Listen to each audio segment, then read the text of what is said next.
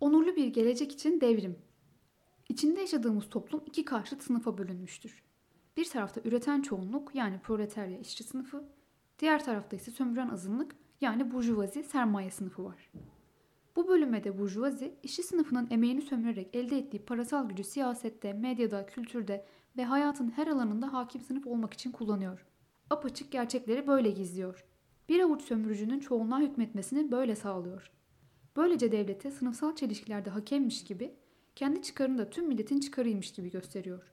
Ama kriz zamanlarında mızrak çuvala sığmaz oluyor.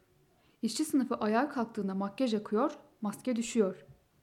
Tekirdağ valiliğinin önünde anayasayı ve yasaları uygula diyen işçiye vahşice saldıran devlet, gerçek yüzünü, sınıfsal niteliğini, burjuva karakterini gösteriyor.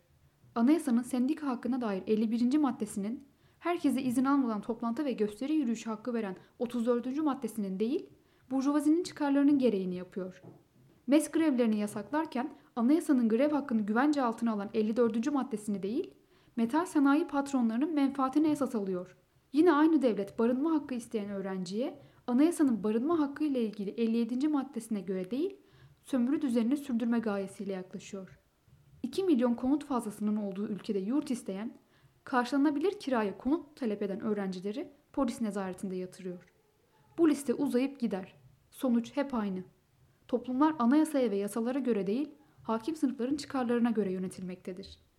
Mehter marşlarıyla çıkılan sınır ötesi seferlerin aslında emperyalistlerin çıkarları doğrultusunda girişilen bir tür taşeronluk olması da bundandır. Elbette ki ABD'ye hizmet ediyoruz. Emperyalist paylaşım kavgasından bize de bir kırıntı düşerse ne ala demeyecekler. Vatan millet Sakarya diyecekler ve diyorlar.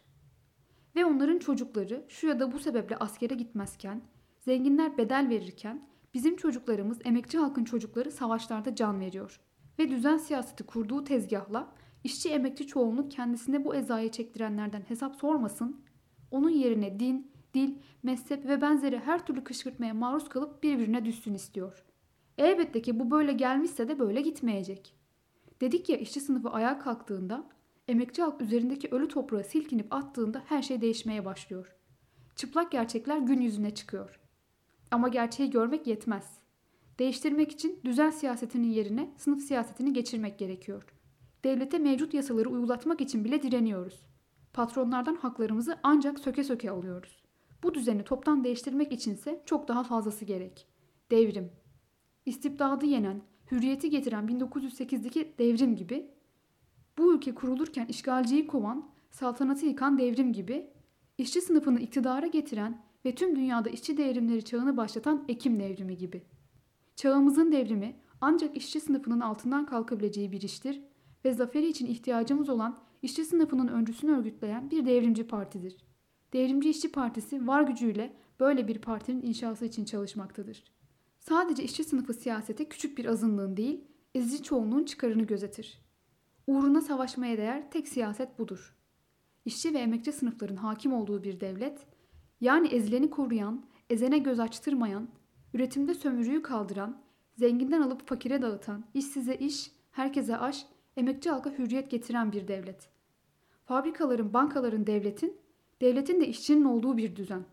Çocuklarımıza bırakacağımız onurlu geleceğin ta kendisi işte budur.